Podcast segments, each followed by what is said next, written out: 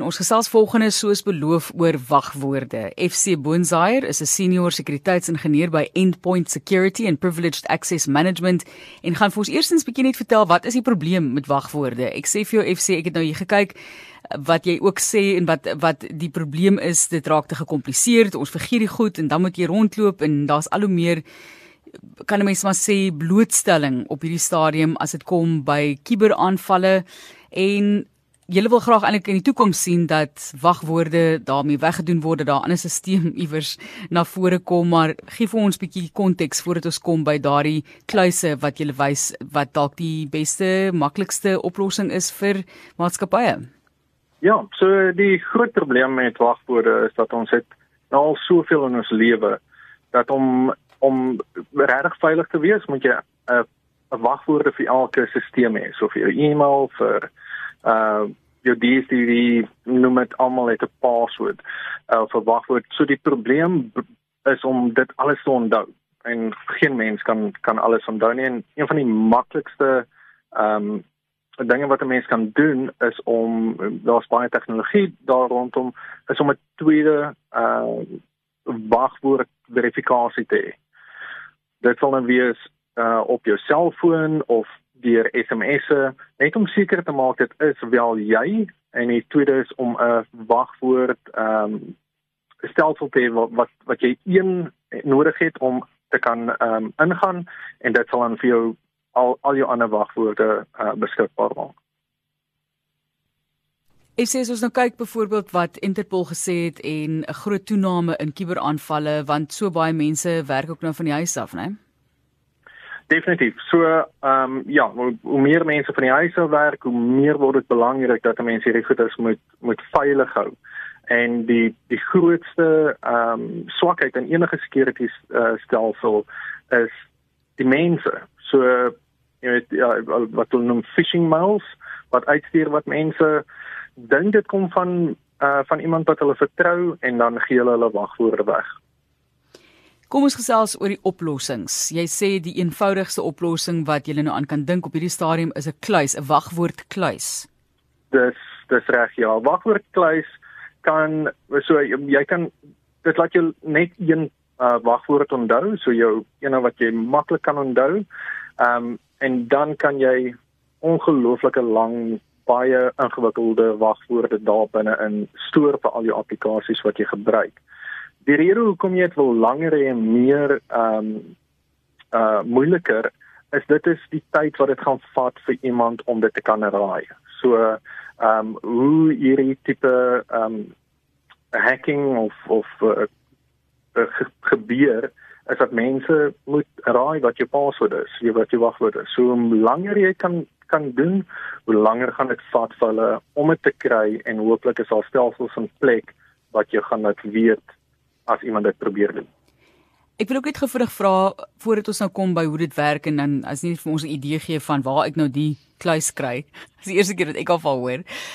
Julle sê ook dat dis beter om 'n langer wagwoord te hê. So net vinnige wenk vir wagwoorde. Moet mense dit baie gekompliseerd maak of is dit beter om dit net baie lank te maak?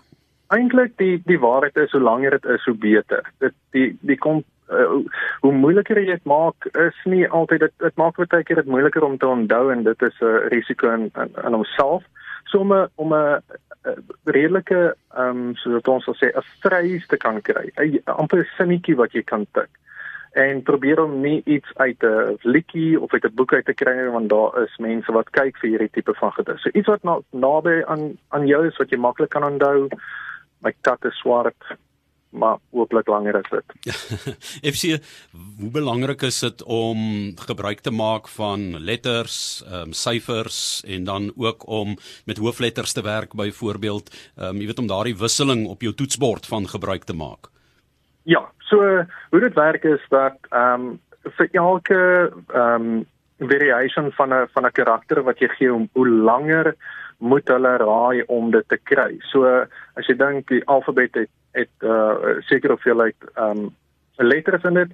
So as jy uh hoofletters in dit sit, maal jy die kom, kompleksie met 2, sit jy nommers by, sit jy nog tot die mag van 10 uh jy weet raai kanse wat hulle moet doen. So hoe meer van hierdie karakters jy gebruik, hoe moeiliker maak dit.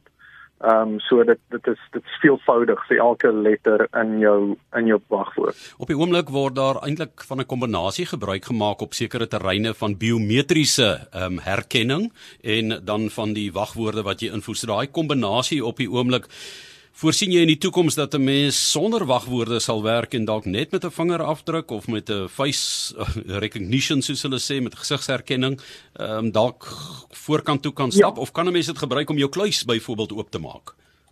Ehm um, so die tegnologie van van kluise oopmaak is 'n bietjie agter met die ehm um, biometrics.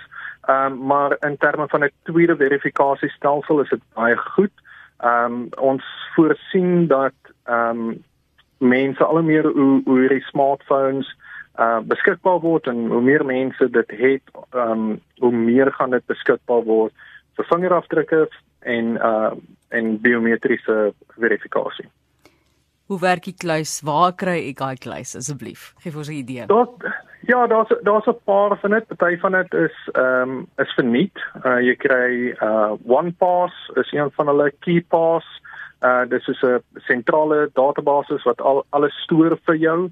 Ehm um, en hy het ook ehm um, wagwoord uh generators, so jy kan sê hoeveel karakters dit moet wees, hoeveel verskillende uh met dit hoofletter, nommer en al daai tipe van goeie sê en dit sal vir jou enige genereer wat jy self nie eens hoef te onthou nie, want hy onthou dit vir jou jy het net daai eerste ene te doen uh en dan meer in die in die in die uh koöperatiewe wêreld is daar ehm um, so cyber uh cyberark wat 'n baie goeie privilege access management is wat meer vir jou uh so dat hulle sê jou jou crown jewels jou baie belangrike goedes uh voorstoor. Ek sien daar nog mense wat naïef is, wat nog 'n pas wat wat nog 'n beseker paspoort het, wat nog 'n kode het 1 2 3 4 5 ja, of ABCDE het. Ja, daar elke jaar kom die top uh top 10 mees gebruikte passwords uit in in uh, wagwoorde in op die internet.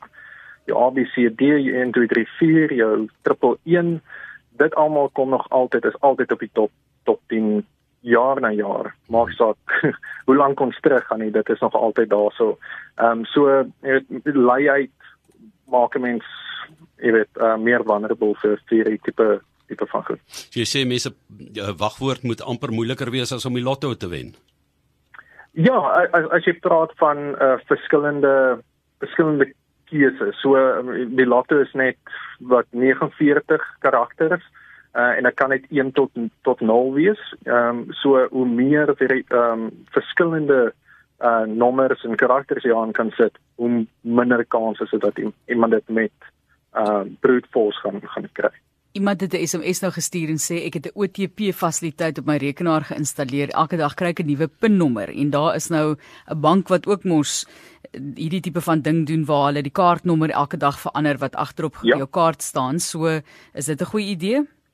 Definitief. Daar selfs dienste wat vir jou 'n nuwe kredietkaartnommer en kodes gee ja. sodat ehm um, jou so in die agtergrond is jou regte kredietkaart en hulle doen 'n uh, derde party diens waar hulle 'n uh, 'n een gebruik kode gee uh sodat dit nooit kan kan uh op die internet land nie. Baie dankie. Dit dan die raad, die inligting, die hulp vir hierdie kwessie FC Boonzaier. Hy is 'n senior sekuriteitsingenieur by Endpoint Security and Privileged Access Management. Ek wil weet hoe lyk sy rekenaar situasie nie. Nou dit moet op 'n hoër graad vlak wees. Baie dankie FC. Okay, dankie.